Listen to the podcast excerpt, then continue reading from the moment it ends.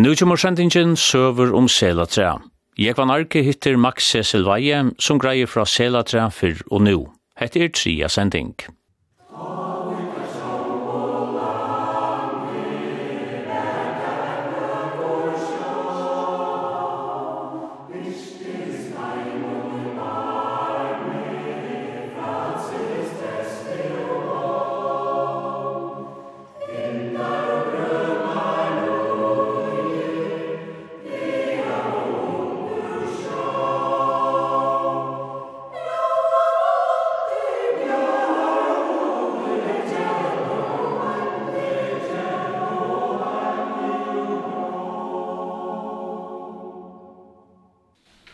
Max, her av Selatra hava dit uh, nøkker navn som er så gommel at de vet ikke hver folk det viser til.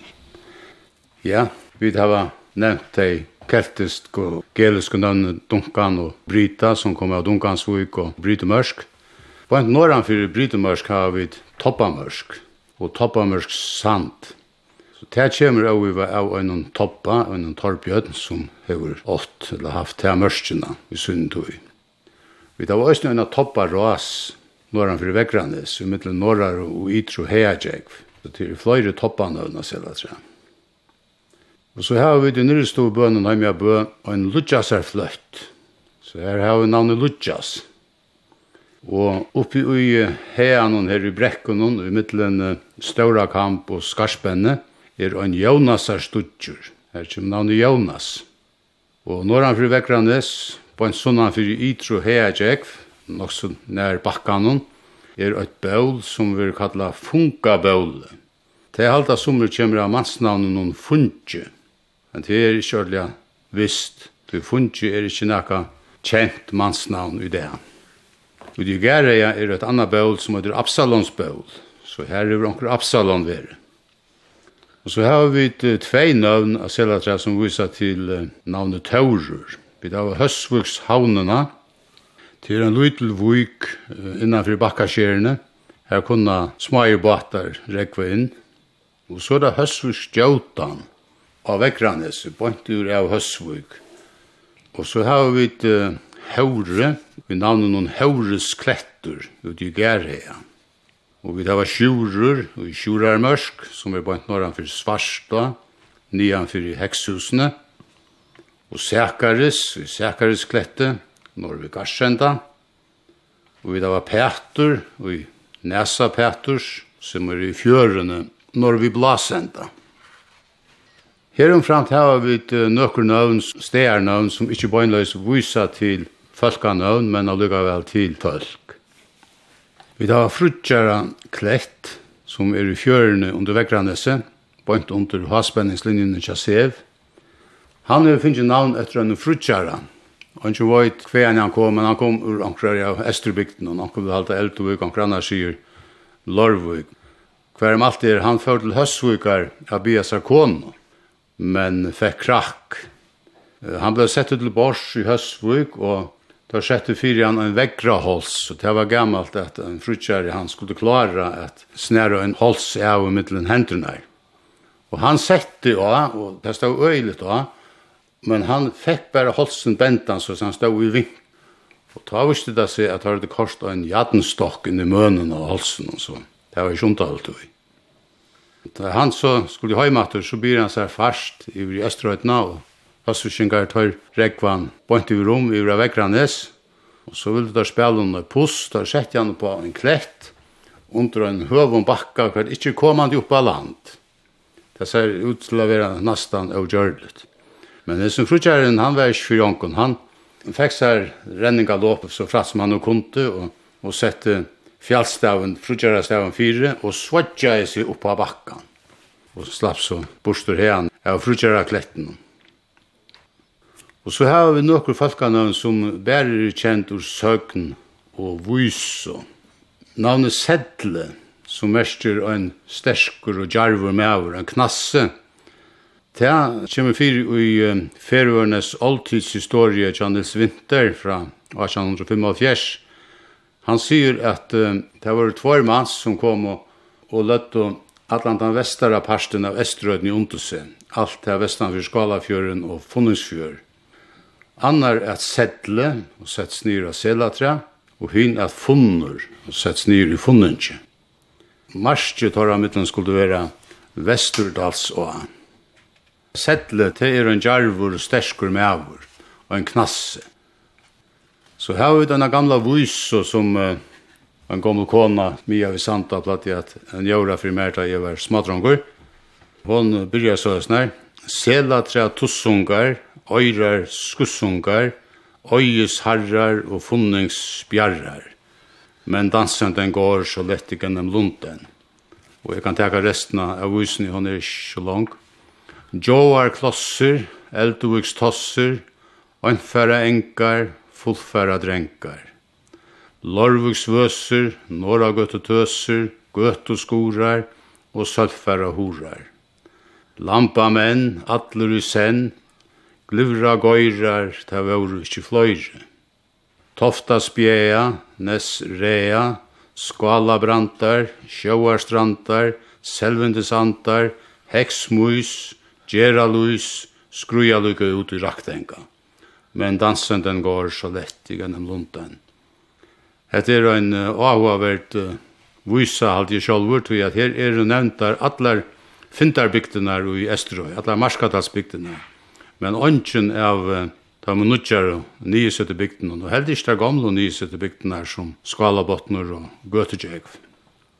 Men det som da byrja vi til er tossunganer av selatra, til å si Etterkommere tja tussun, og så kommer øyra skussungar, til å si ungar tja Skikve, og så øyes herrar, her var det nekver større menn vi nekvar i gjør, det var jo junkara gjør av øye, og hana det så rydde Jakob Sundtøy, og så spjarrar.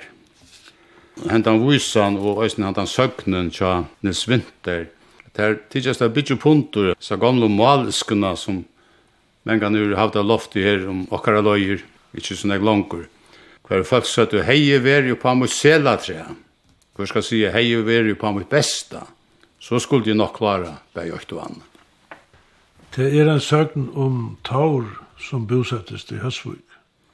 Ja, Andreas Bønte skriver i Søv og Søgnen i Sjøn at Taurur boi opprunalia av strand i Norra Det er i Rågalandet, bort innanfor Stavanker.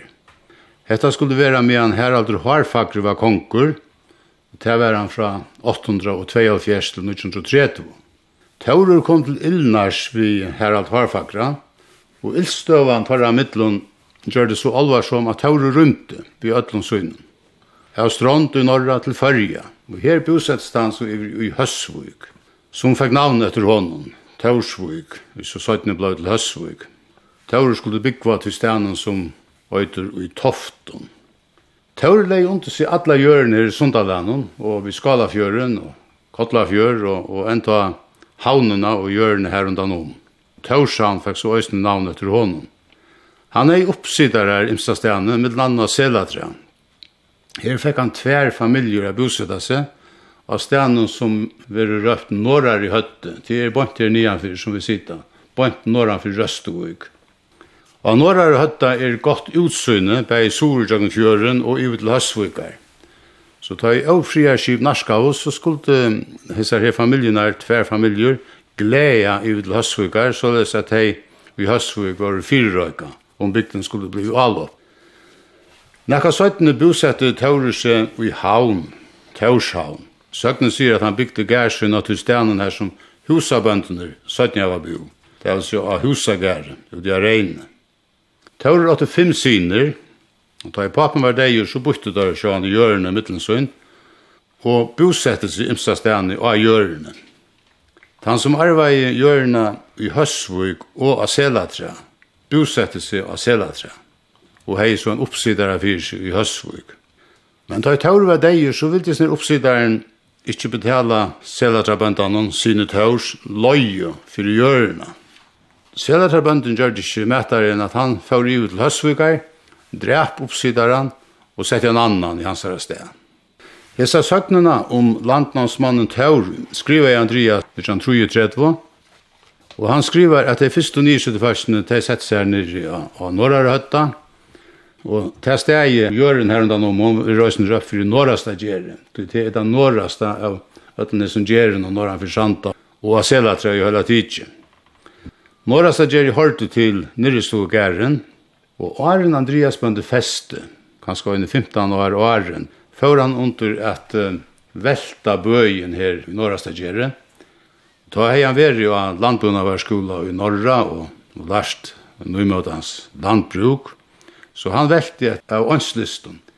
Han velte og lei saman i større fløter som kunne slåast og pluast vid nøymøtans maskinen, Han kom så at man var gråt. Det var ikke nok grøt til at uh, drena vi. Og han får så under til dara gjer, kunne vi si det, at greva tar fått noen toftenar av norrar og høtta ut. Her var allmykje av grøte, og støynanar brukte han til at drena vi. Hetta harmast Andreas Bandi øylet om i bøkjene tjassar søv og her gjør han sånne fragrøying om hva han fann under utgrøsteren, Han fann med den andre et lenkhus, som var en av 22 elen lengt og en av 4 elen brøyt, målt innan. Utveitsene var sera kyrkjer. Og i sånne lenka husen hadde vært tvoir eldsteier, og rundan om hessa grundene av lenkhusen, eller sethusen, var det fløyre ærar, smarre tofter. Og Andreas skriver at han fann fløyre einfaldar småloter, flere petter av tartum kåpare og jattene, og framt ståra rustklumpar, og eina ytla farna bjødlo, som han helt hever brukt at hånd som holsena, og klær kikv. Og i øynar av grunden fann han kvadnastøynar, tar var nek sluttner, og av slattan hon, etter vi lagt den nian fra Norrarhøtta, kom Andreas fram av tver grævler, og vi får lunches på karrierer, til samans øynar tvær faunar til langt der. Botneren var steinsetter vi småstøynun, sujuna var vekkurs leier, og låtje var ur fløyre fløton hettlun. Inni i graven helt Andreas finna under tvei ting, eller ampo ur gråte, og gravene var annars fotlar av bleitar mold. Og i disse måltene fann han tvei eller trui, amuletter, verntargriper. Tvei av dem var til støttar som en tvei krona, skriver Andreas. Og ærar av hessum amuletten nå, var en mynd, men Andreas skriver at han tog ikke suttje om det var mynd av en fölkje eller av en dyr. Og som sagt, han harmaist øylet om at han skulle hava huksa så lite, og her vi vera kom til å forkoma i som var om graven, og ikke om å tala husatoften. Men ser i backspeklen heldur Andreas at disse gravenar, der måtte stava fra fintartui. Anne tog ta i kvarsten arbeid var skåtar eller kristne klerskar var komne til fyrja. Hetta som hente ta fyrir 120 år siden til ikkje nekka øyndom i føreska sjøve til verre. Så løs jo vi er som enkan ta i menna va vilja skunta seg vi at få ankra verskadlan i røknum. Øysne nekksøyten i togin enn hetta som heregrøtt fra han. Andreas bønde gjør så til ratta at han sier fra, han lett allmenningen og etter tøyna vita hva han er gjørst og, og hva han fann og i sunnum privata utgrefstriva norra og høtta.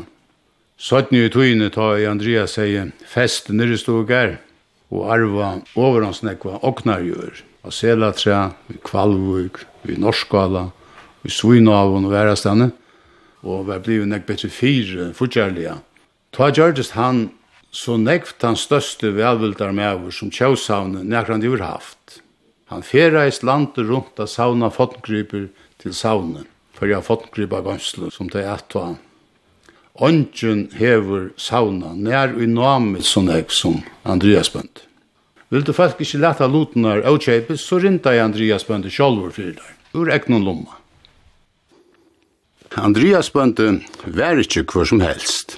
Han satt oss nja løktingi fra 1903 til 1920, På en framman undan hei bodjansara Hans Peter Veia, sydja løgtinge, på appedora, Gamle Lassen, og Appedora, Andreas Jorusbønte, sødva løgtinge, i Sundhøy. Så her var det fyra bønter av nyrestogare som atler av løgtinge kvør etter annan. Du har gjort nok snakk vi at uh, lesa ut av gamle gjæraboken og tingboken. Det er min ståra interessa i nekvar. Og til her først har vi kommet fram til uh, gjerabøkene, tingbøkene og, og kyrkjebøkene for Estrøtene. At vi får røylig om endan og får sett nøvn av følelsene som bor her.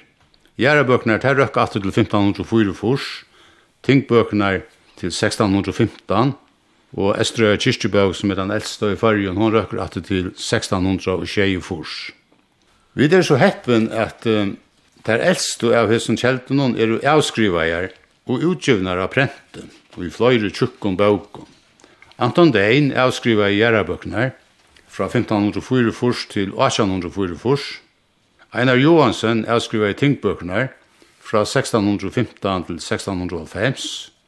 Og Johan Guttorm Mikkelsen hever avskriva kyrstubøkner fra 1606 til 1892.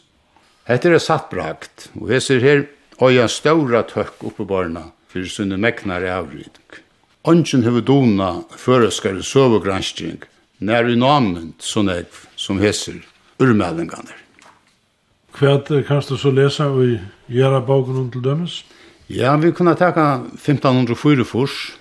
Da sørger vi at det var trutjer bøylingar og fem feste av sedatræ. Høymja bø var tru feste, Eitt seksmarskafeste som Peter Henriksen sett vi, eitt fyramarskafeste vi sama festara, og eitt fyramarskafeste som Barnabas Olofsen sett vi, samanlagt 14 merskur heim jeg bø. Og i midtun var eitt feste, og på tver og en halva mørsk, som Kristoffer Olofsen sett vi.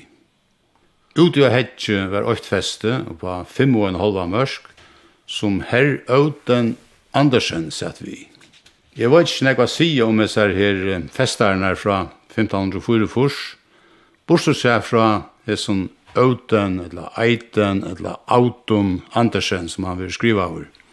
Hette er han Eion Andrasson som først var prester av Sante fram til 1536, og så gjerne prester av Nese fra 1536 til 34 og her er prøvstur fra 1536 til 1594.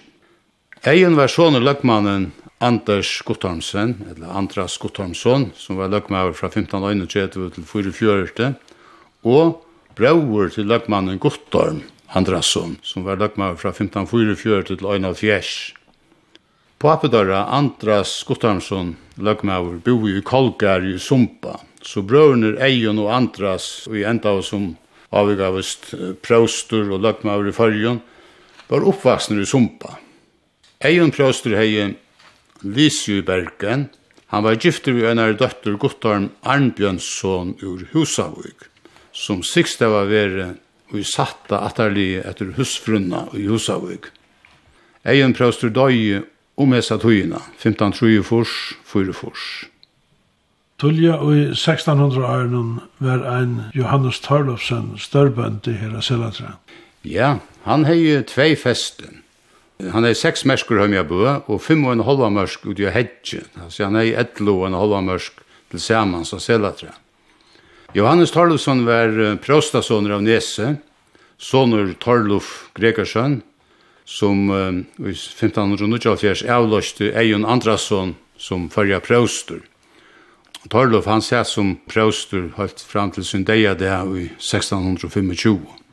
Johannes han var som sagt størbønd i Aselatra og Estrøya Syslemauer og Løgrattumauer og Og en av tog var han bønt i Høyvo i Gøysene og Streimøya Syslemauer. Så han var ikke hver som helst. Papen, Torlof Gregersen, som var normauer, sykst av framur vel lærtur mauer, hei lise av Santa Andrews universiteten i Skottlandet. Her var han blivin avurskaver av kalvinismene. Og heimaterkommen var han så hjelparprestor vid domkyrkjena i Bergen, men han hei nekra fyrir sagt av prætikastøvlen i domkyrkjena at uh, breie og kjærlekeren var jo ikke bøkstavelige Jesu lika med blå, men at de ombo av hese. Men ta misti han prestastarve vid domkyrkjena. Han slapp til å virka som prestor om så vær at han fyr til fyrja og tog vid prestastarve av sand som la vid prestaløse.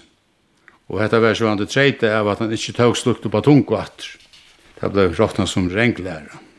Torlof Gregersen var prester av sand i Tudjo år, fra 1534 til 34, og så han i Nes i 42 år, fra 1534 til 1625, og her var han prøvstur i 46 år, fra 1500 til 1625. Ta døyan. Tullia i 1600 årene var Østny og en annan størbønd i Selatra som er Antonius Henriksen. Han satt vi tudjumørskene bø og tvervønner i halvar i midtøvne. Omframt Øyrager som var tølmørsker. Samanlagt er han 24 og en halva mørsk. Antonius var pappe til Johannes Antoniusen og kom a sida vi etlo mørskuna bø.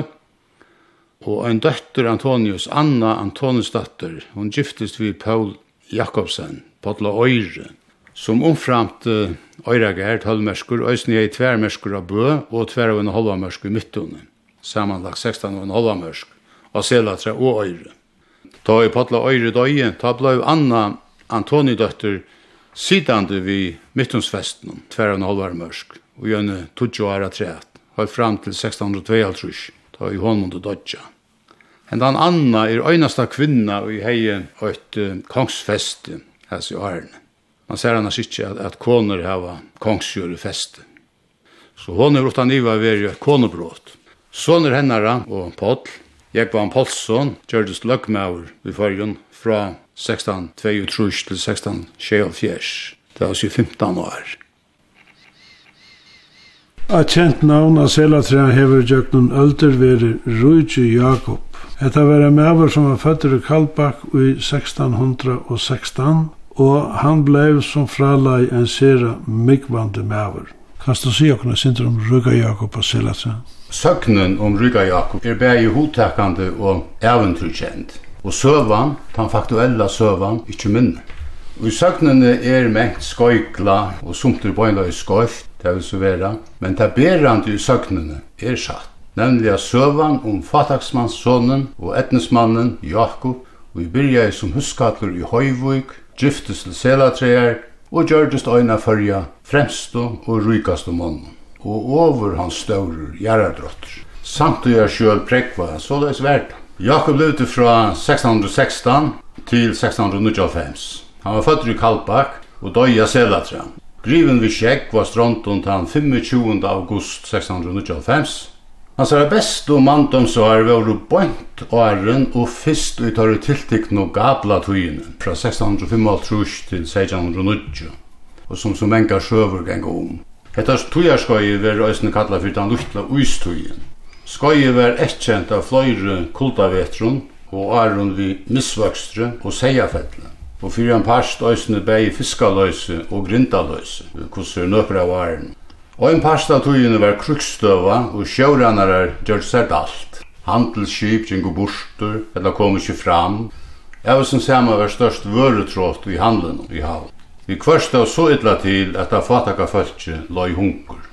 Stattarmoneren var staurur i fargen tåa døvun. Det var lodfastliga fa som hadde en atålig trykka tilveru. Han kallar bare embatsmenn, prestar og størbønder. Korsten hender dette her knapplega at ein fataksmassonur ur Kalpa hevjar seg upp ur huskalla tilverene og vesavdømnen, giftist vi annar vela kono av Selatra, festur fimm kongsgærar og her vi atla kongsgjørene av Selatra, vi er valdrin av løkting og her sett han i samfot 36 år. Kjeiper over hans nekva ealsgjør, et letta såkalla av junkara hjørna, og gjerst eina fyrja mætastu og rykastu mannen. Hesen urmælingren blei kjentur som Rujji Jakob, etla Rujji Bønte av Selatra, etla Jakob Zakariasson som han sjálfur skriva i sin. Hva kan du si om upprunan til Jakobin? Ja, Jakob var fattur i Kalbak, og samt var søgnene var han fattaksmannssoner. Det er og vi var rett, men foreldrene har helst haft egi husarhald. Du som 45 år gammal nevner Jakob gjennom vittnesfragrøying fra 1651, etter var gjennom marskna 13 um den høyvuk og velbastad at han boi heima tja eldrun i Kalbak, til han var om 15 år gammel. Teia var oi var tank tja omkring bønte her i bygdene, vi Kalbak var og er bæra kongsjør, ånden åknarjør. Papen at Zakarias, etla Zakaris, og etternavnet var Anna Kvørst Johansen, etla Mikkelsen. Vi vet ikkje hva mamman er, og det var ikke greit om at Jakob åttende kursikken, så han man har vært i øynabad. Jakob tante i Høyvøk i 20 år, fra 1631 til 41. Ta over han veri om 15 til 25 år gammal. Han tante til Augustøynese, Lytersen, Størbønda og Høyvøks og Sundskær.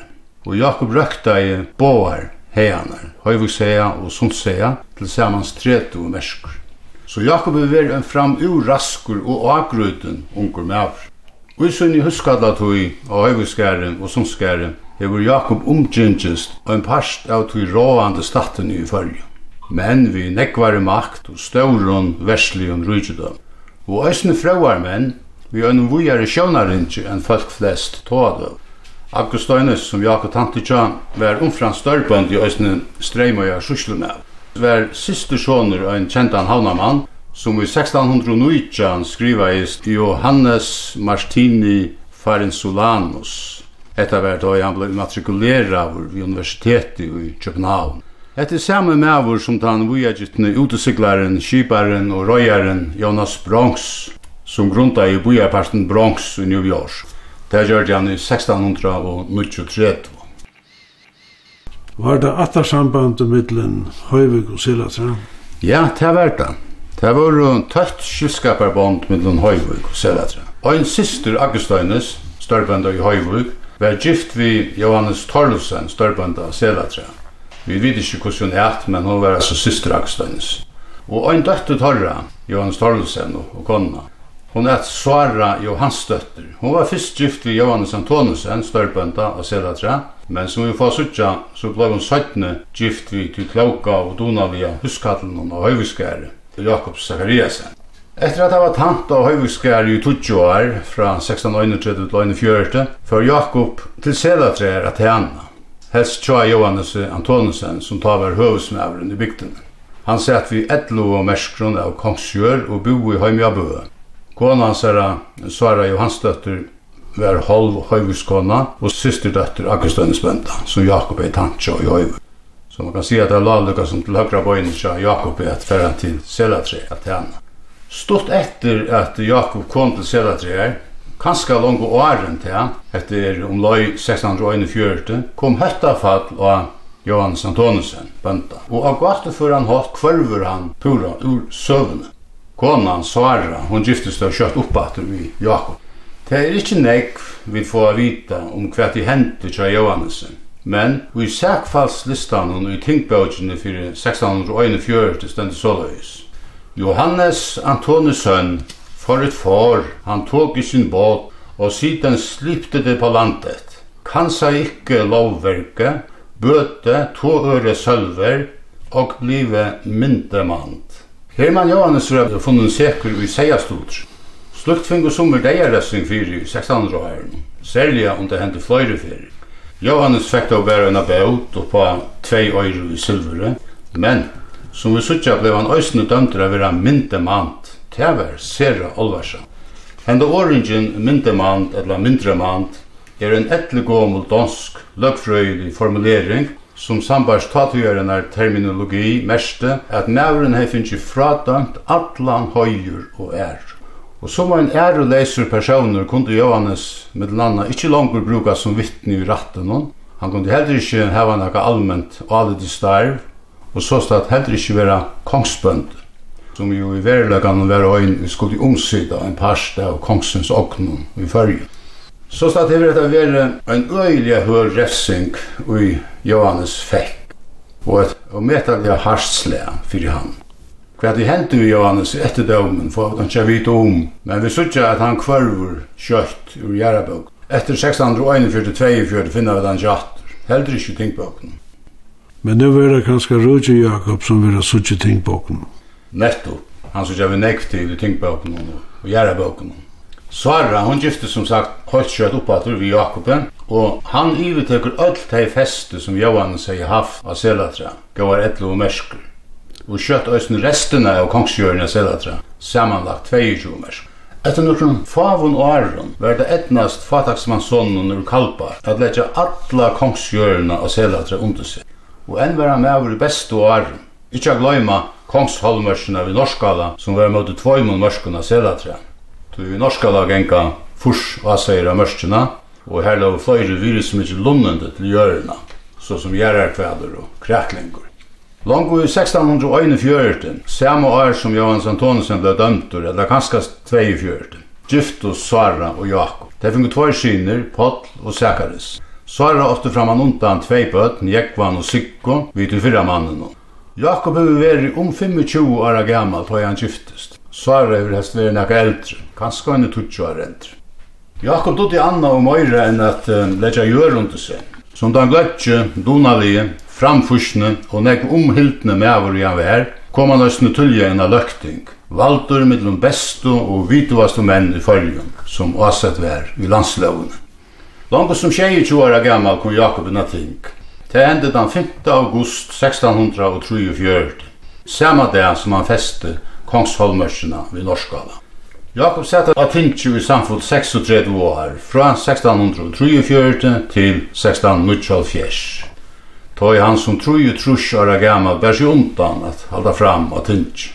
Vi hans er sted utnevnte løgtingi Paul Jakobsson, eldra son Rika Jakobs, som tar ver 23 år gammal.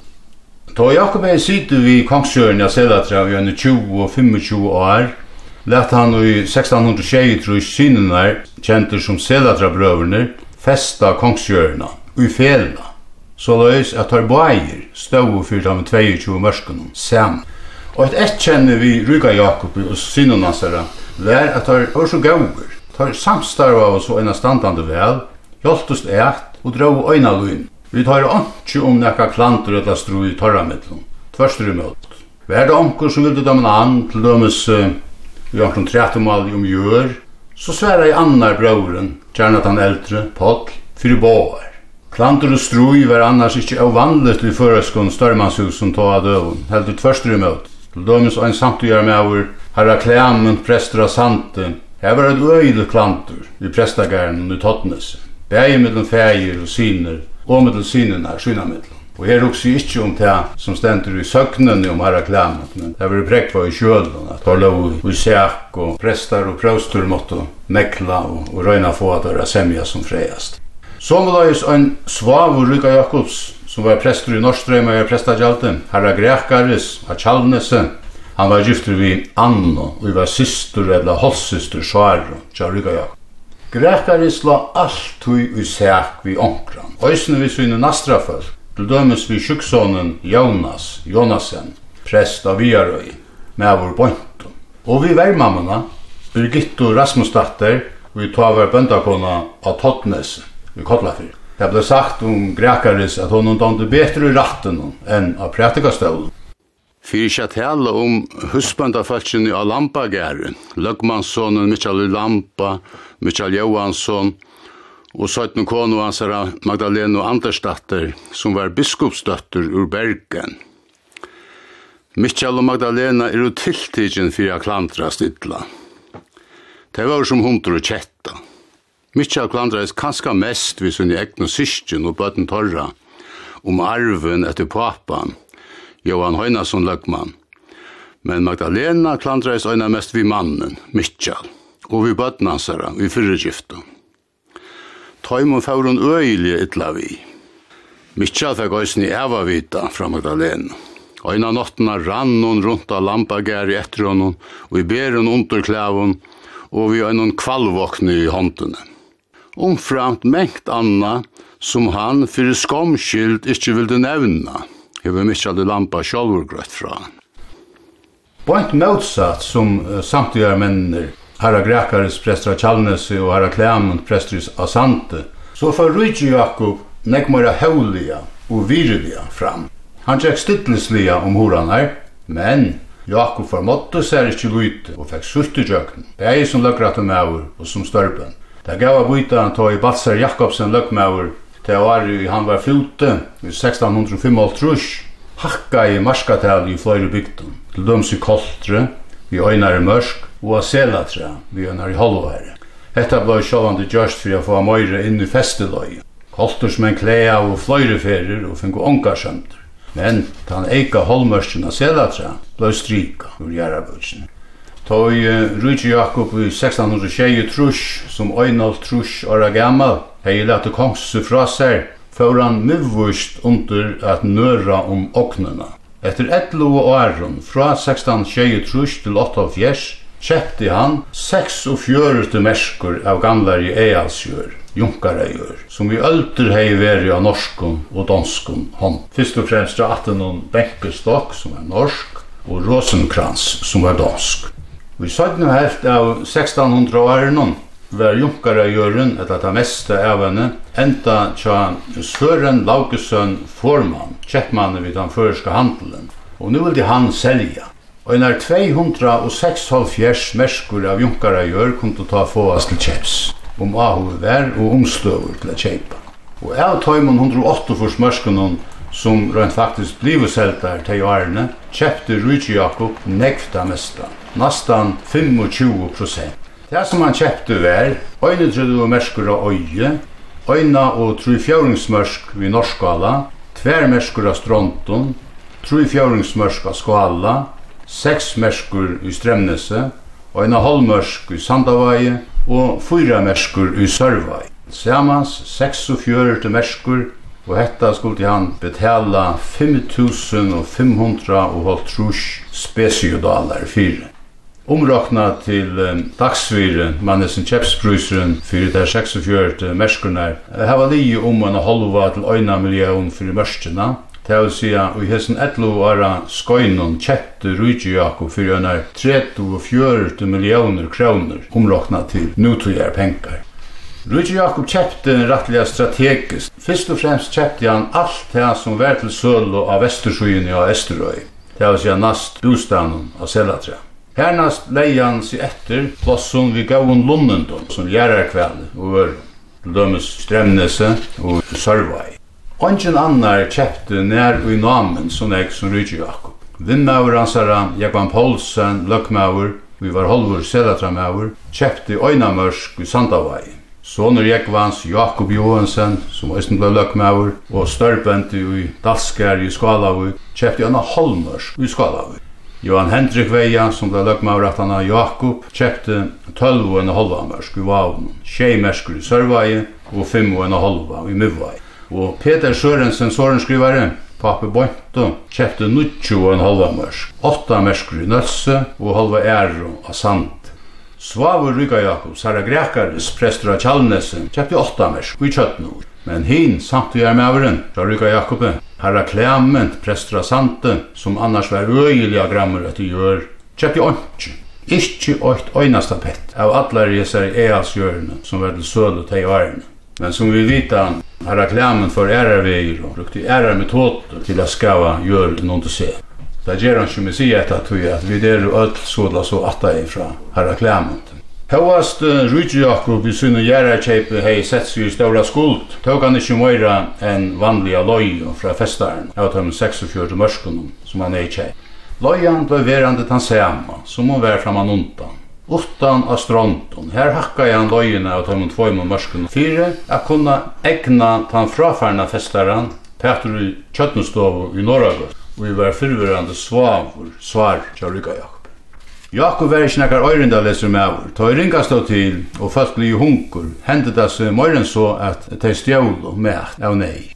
Av vårstinja selatra den 20. mars 1693 var ein maver ur Gjerun av Stronton, Erik Augustinusen, stemtur fyrir at hava ståle troi krov fra Ryka Jakob. Hetta vidjekk Erik, òsni at han hei ståle tverfyrir fyrr, og nu vil foten hava Erik dømta etter lovene. Ikke minst tog at Erik fyrver tidsin fyrir stoltur og benåavur, nådde lyfti om ikkje at gjera slukt at. Men Rujtje Jakob ettergav Erik alt det som han er i stål. Du som Rujtje Jakob sier, han er fattakar og eier ikke annan enn hessar klottarnar som han gonger i. Og det blei som Rujtje Jakob vilt. Erik slapp undan ressing og fikk i stegin arbeid av skansan i havn som om det munte mangla i arbeidskraft at uh, Rúgi Jakob Øysten kunne være gavemildur, sast når gamle er søgn, søgnen om Morstanstov i havn. Hon er endegivin bægi av Andreas Bønta og videre Preste, søgnen Ljóa Nakasolais. Og en høyvustrongur som er Morstan ville så fegin sleppa til Danmarskar a læra, men han åtti ikkje fyrir ferien. Som han en dag stendur av Søyabergi vi Hølmasund, kjemme selatrabønden vi sunnen månen rekvanden av høymfer ur havn. Bønden spyr Morstan om han kan kjeipa fisk fra honom. Morstan kastar honom en fisken i baten. Bønden kastar ta Morstan i pengapunchen tja sær og syr Her hever du fyrir ferina til Danmarskar. Stått etter hetta for Morstan til København at lær. Då han var utlærtur kom han atter til Førja, gjørdes kommandantur av Skansanon og bygde Morstanstovu, som i synetøy var størsta hus i havn. Så det sier altså søknen. Selatrabønden fær illa veri annar enn rujtri jakko, tui i søvligare tui, hui bæra han veri ansamma til kongsbøndi av Selatra. Høyviksdrongren er hestan 17 så kjente Søren Morstensen Høyvik, løytnant von Høyvik, som var kommandantur av Skansan fra 1621 til 24. Søknen sier at Rydje Jakob 8 trus avavsmersk. Det samme sier søknen om Sandøyarprest Herre Klemen. Hetta kan ikkje takast fyrir anna enn at har åttu allmyk av jör. Om herra klemmen sutja vid at tøy han døy i åttu han tjei og fjörurstu merskur vi gjør, 2246 seier, tjei altrus neid og 20 ross. Tui verri er onki skiftet til sjas etter Ruka Jakob og heldur ikkje etter sinner hans herra, Potl og Sekaris.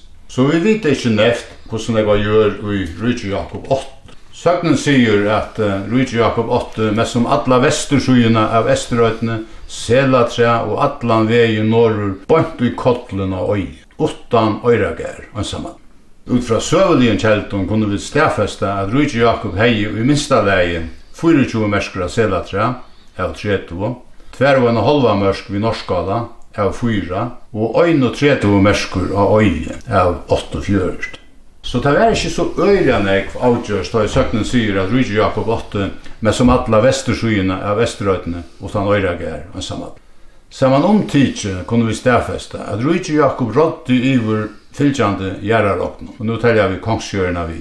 22 og en halva mørsk av kongsgjør, 46 merskur av Ealsjør, såkalla Junkarajør, og 12 mørskur av Eualsgjør. Kanska måler. Så stad hefur Rúki Jakob haft einar forsmerskur av jør. Hetta man vera det mesta og nekkar førungur hevur haft og søvligar tog. Jeg var så ikkje om nekran annan sovarnan gjerra i fyrri. Og til tog han fekk heiti Rúki Jakob av sila træn. Ontja divast tog. Samband er kyrkjubøk døy Rúki Jakob av sela tran og blei driven vid Sjekv av Stronton den 25. august 1695 Og ut fra hans er egn og Grøying, i tingbøtjene fra 1651, sutja vi at Rydtje Jakob vær om truje furs er gammal tøyan døyen.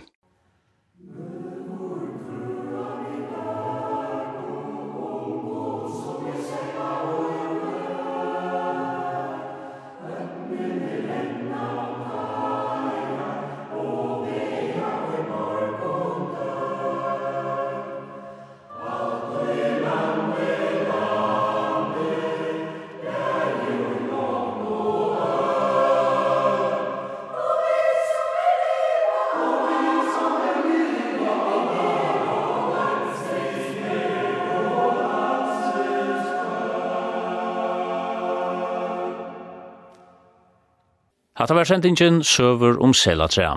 Jeg var narki hitte Max Cecil Veie av selatrea. Hetta var tria sending.